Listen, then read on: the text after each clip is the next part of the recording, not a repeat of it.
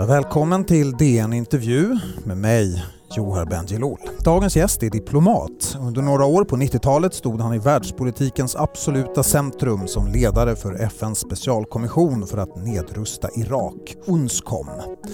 I en ny bok beskriver han jakten på Iraks massförstörelsevapen under perioden mellan Kuwaitkriget 1991 och USAs invasion av Irak 2003. En mellankrigsperiod av stor vikt för den som vill förstå den våldsamma komplexiteten i Mellanöstern idag.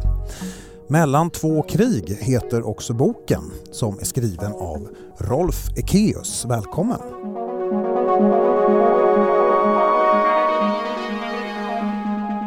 Ja, när du ser tillbaka på din tid som chef för FNs vapeninspektioner, vad var det viktigaste du åstadkom?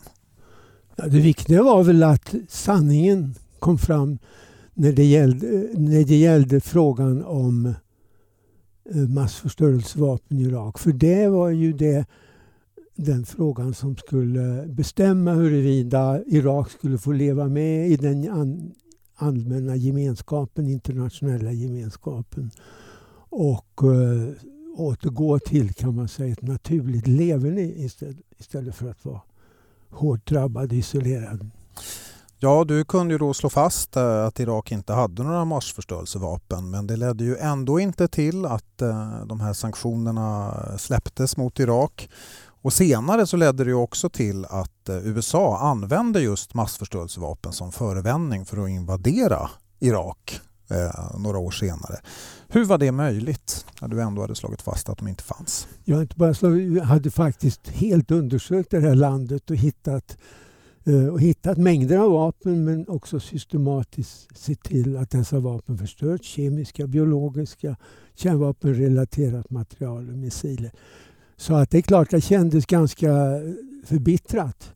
Jag rapporterade till säkerhetsrådet som var min uppdragsgivare, hela rådet, inte bara USA, att vi hade då, nu talar vi om 96 och 97, när jag började arbetet var det 91, så det tog sin tid, men att vi hade rensat ut landet. Då kände jag ju en, en stolthet, inte jag personligen så mycket som för mina oerhört skickliga och djärva medarbetare, mest medelålders vetenskapsmän och vetenskapskvinnor. Det var ju men att USA några år senare ändå använde de här massförstörelsevapnen i Irak som förevändning för att invadera landet. Vad tänker du om det?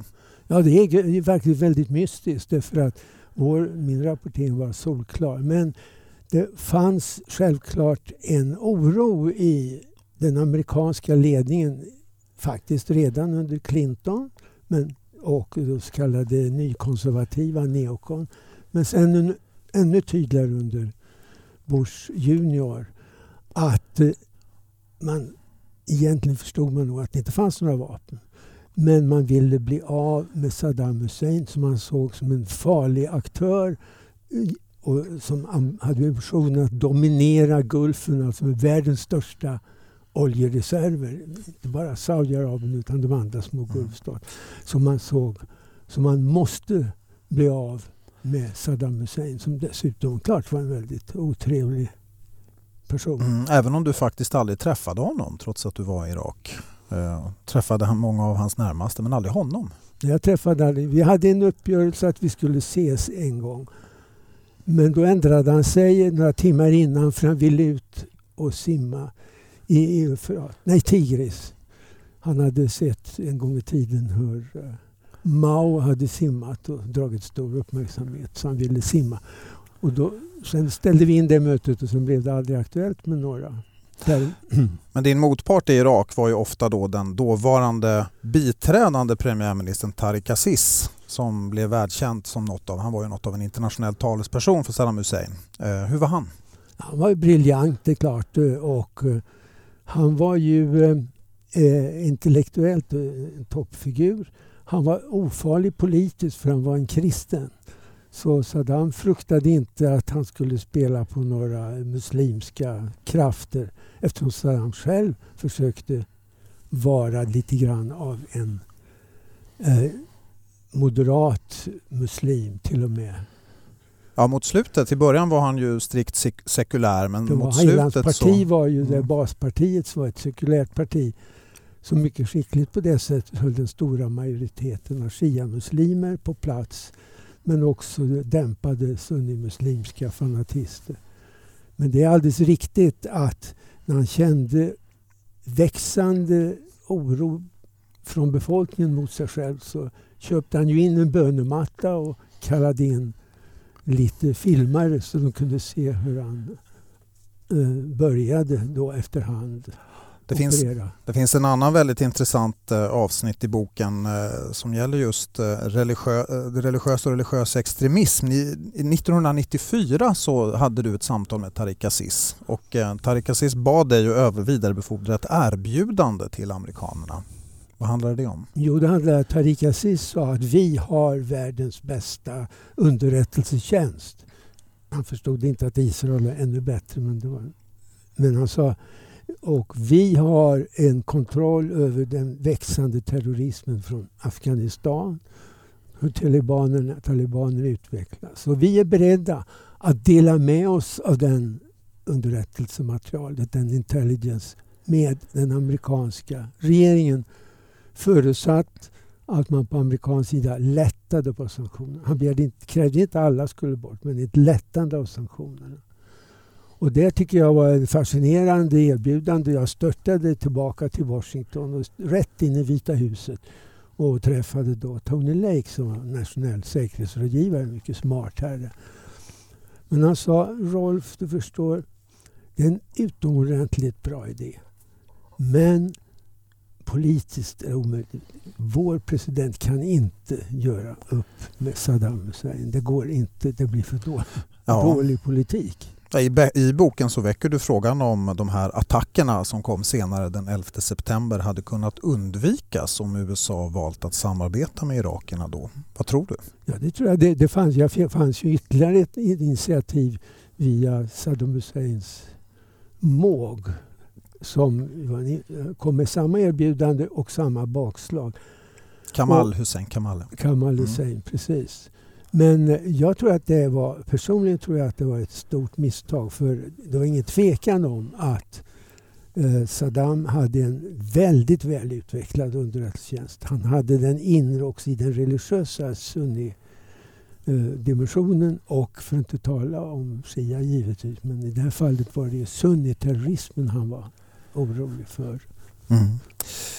Ja, det finns en, men USA var ju väldigt övertygade om att Saddam Hussein måste bort. Det finns en scen, annan scen i den här boken från eh, slutet av januari 1998 när du är på middag i Washington mm. och eh, det är i den högsta domstolens lokaler och där möter du då den tidigare presidenten George Bush och hans son. Mm som då är den blivande presidenten mm. George W Bush. Det blir som en, scen som är ett slags förebud mm. om det som ska komma. Hur var det, vad var det som hände under det mötet? Ja, det var en familjefest med bröder och hustrur och så vidare. Nej, pappan efter middagen så kallade pappan till sig och mig och sa nu, nu ska du tala med min son här. Och sonen stod bredvid och hade en kompis som man ville tala med, med pappan. Kom hit nu och tala med Rolf. Och så sa han, berätta nu hur det är med vapnen. Och eh, då förklarade jag att vi hade funnit, eliminerat och hade säkerhet på att det inte fanns några så kallade förbjudna vapen, massförstörelsevapen kvar. Och sonen tittade allt tröttare ut i luften. Och, och pappan drog honom i armen och sa lyssna nu på Rolf ordentligt. Och, så fick jag berätta ännu mera. Och det var, han var inte särskilt entusiastisk, sonen, över den konversationen. Hade han redan då bestämt sig att äh, det finns massförstörelsevapen oavsett vad Ekeus tycker om den saken? Nej, jag tror inte det. Jag tror han trodde mig. Alla förstod att det inte fanns några, men problemet var att hitta politiska skäl. Och att man, det var det som var poängen när han och Cheney, en annan ledande oljemagnat så att säga, som var vicepresident senare. Att de förstod att det måste finnas ett skäl för att angripa Irak. Och det enda skälet som fanns var det säkerhetsrådsbeslut att alla vapen skulle elimineras. Så att för honom jag tror jag tog det väldigt, väldigt lugnt med vapnen. Han var inte orolig alls. Utan CIA fick hitta på lite fantasifullt historier. Men det var alltså en angelägenhet av första rang att ta bort detta tunga politiska hot som Saddam utgjorde med en vältränad armé och en aggressiv säga, mm. filosofi. Och innan eh, USA invaderade Irak så var det ju en lång period av eh, sanktioner eh, och en debatt som följde dig under hela din tid som chef då för UNSCOM det var oro för de humanitära konsekvenserna för civila i Irak som de här sanktionerna förde med sig. Det ska vi prata om alldeles strax.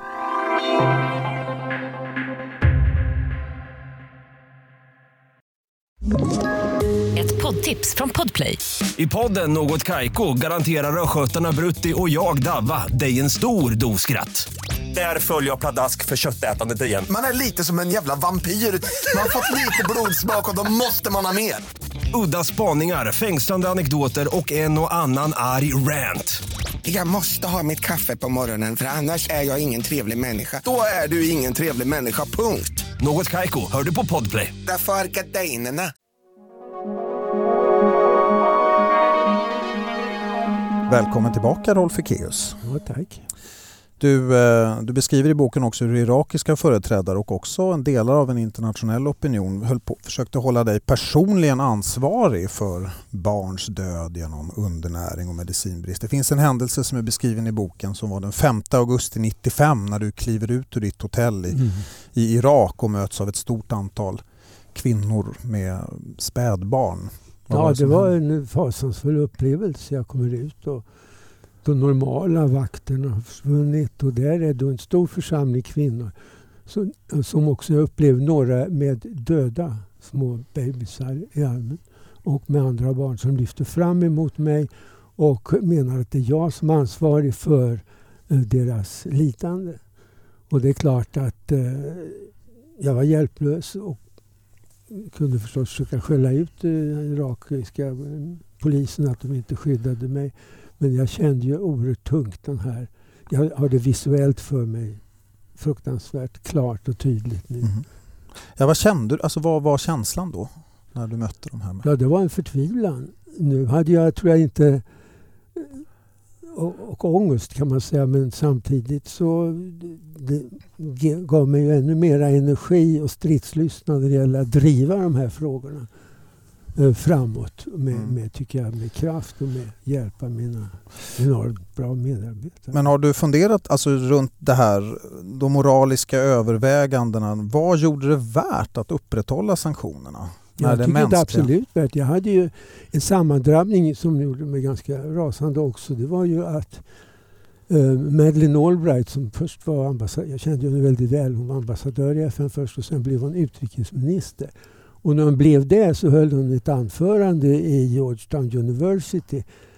Då visste hon att vapnen var på väg ut. Hon hade tillräcklig information om det. Och då sa hon, även om vapnen avskaffas så skall inte sanktionerna lyftas förrän Saddam Hussein har avlägsnats från makten. Mm. Och det var alltså ett brott mot internationell rätt. Det fanns ju ett säkerhetsrådsbeslut när vapnen var så att säga, hanterade och eliminerade skulle olje, det fulla oljeembargot mm. lyftas.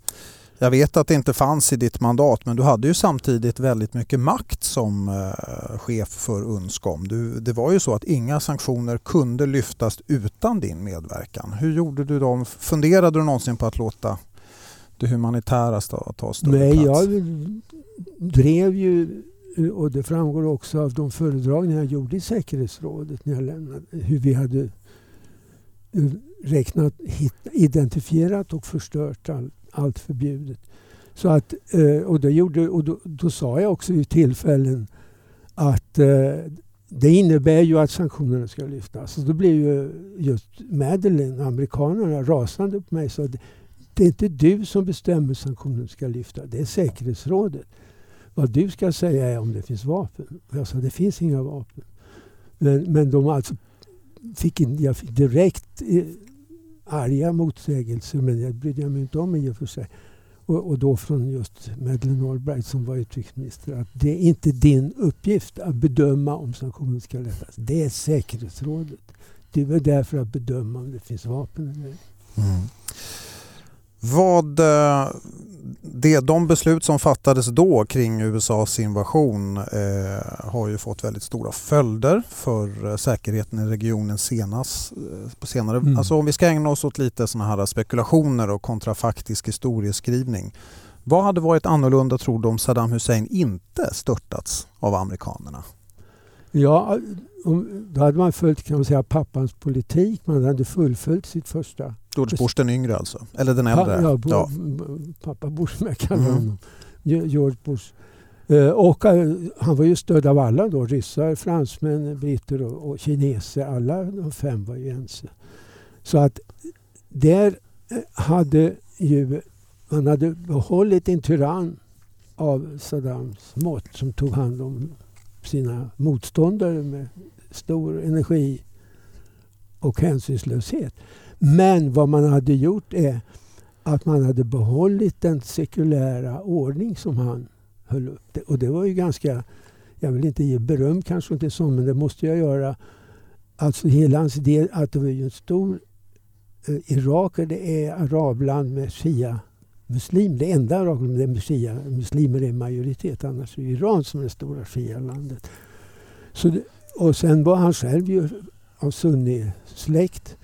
Eh, och den är minoritet. Så för honom var hela maktspelet att hålla, uh, att hålla en ska vi säga, lite socialistisk eh, sekulärt arrangemang. Och det innebar att alla höga tjänstemän, alla lärare, läkare av någon rang skulle vara medlemmar i det här partiet. Lite grann som Hitler på nazistiden. Men det var en garanti att de var fria från det här religiösa motsättningarna. Och det var en alltså briljant politik anser jag. Samma sak var ju armén organiserad. Men hade det gått att upprätthålla tror du när den arabiska våren sen kom? Ja, det blir intressant. Men han, han höll ju, säga, som regeringen komponerade han ju hela tiden att shia-muslimer som då var majoritet men inte tillhörde hans familj ändå fick tunga uppgifter i utrikesministerposter. Bara inte polis och säkerhet, det var familjeangelägenhet. Mm. Avslutningsvis, eh, tror du att återgången till en, ett sånt sekulärt statsbygge i Irak, att det skulle kunna vara en eh, framkomlig väg? Det tror jag absolut. Att det är det bästa sättet att hitta en balans. För nu har man ju hamnat i ett väldigt svårt läge. Uh, Iran har ett utomordentligt stort inflytande där. Och samtidigt har då en del av den här normala muslimska gått in i en otroligt aggressiv uh, uh, Taliban, ja al-Qaida snarare, alltså, stora av de mest briljanta militära ledarna gick in i al-Qaida-kretsen. Ja, med mm. sin kunnighet i vapen och Ja, och det är många av dem som är höga ledare inom Så där IS. fanns det en balans. Mm. Sen tror jag att jag beskriver någonstans eh, mitt samtal med dåvarande kung Hussein i Jordanien som ju såg Irak som en del egentligen det hashemitiska kungadömet. Ja, han hade ju planer att han skulle bli... Det var en intressant lösning som mm. balanserade religiösa också. Att, kung, att uh, den jordaniske kungen skulle bli statsöverhuvud över båda uh, de två nationerna.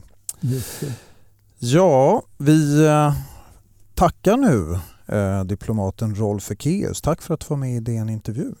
Diplomaten som eh, har varit chef för FNs vapeninspektörer i Irak och skrivit boken Mellan två krig. Producent Augustin Erba, teknik Jennifer de Ward och DN Intervju är ett samarbete mellan Bauer Media och Dagens Nyheter. Tack för att ni har lyssnat.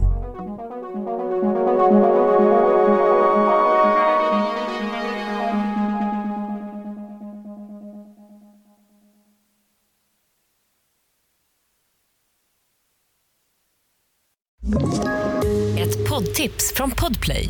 I fallen jag aldrig glömmer djupdyker Hasse Aro i arbetet bakom några av Sveriges mest uppseendeväckande brottsutredningar. Går vi in med hemlig telefonavlyssning och, och då upplever vi att vi får en total förändring av hans beteende. Vad är det som händer nu? Vem är det som läcker? Och så säger han att jag är kriminell, jag har varit kriminell i hela mitt liv men att mörda ett barn, där går min gräns. Nya säsongen av Fallen jag aldrig glömmer på Podplay.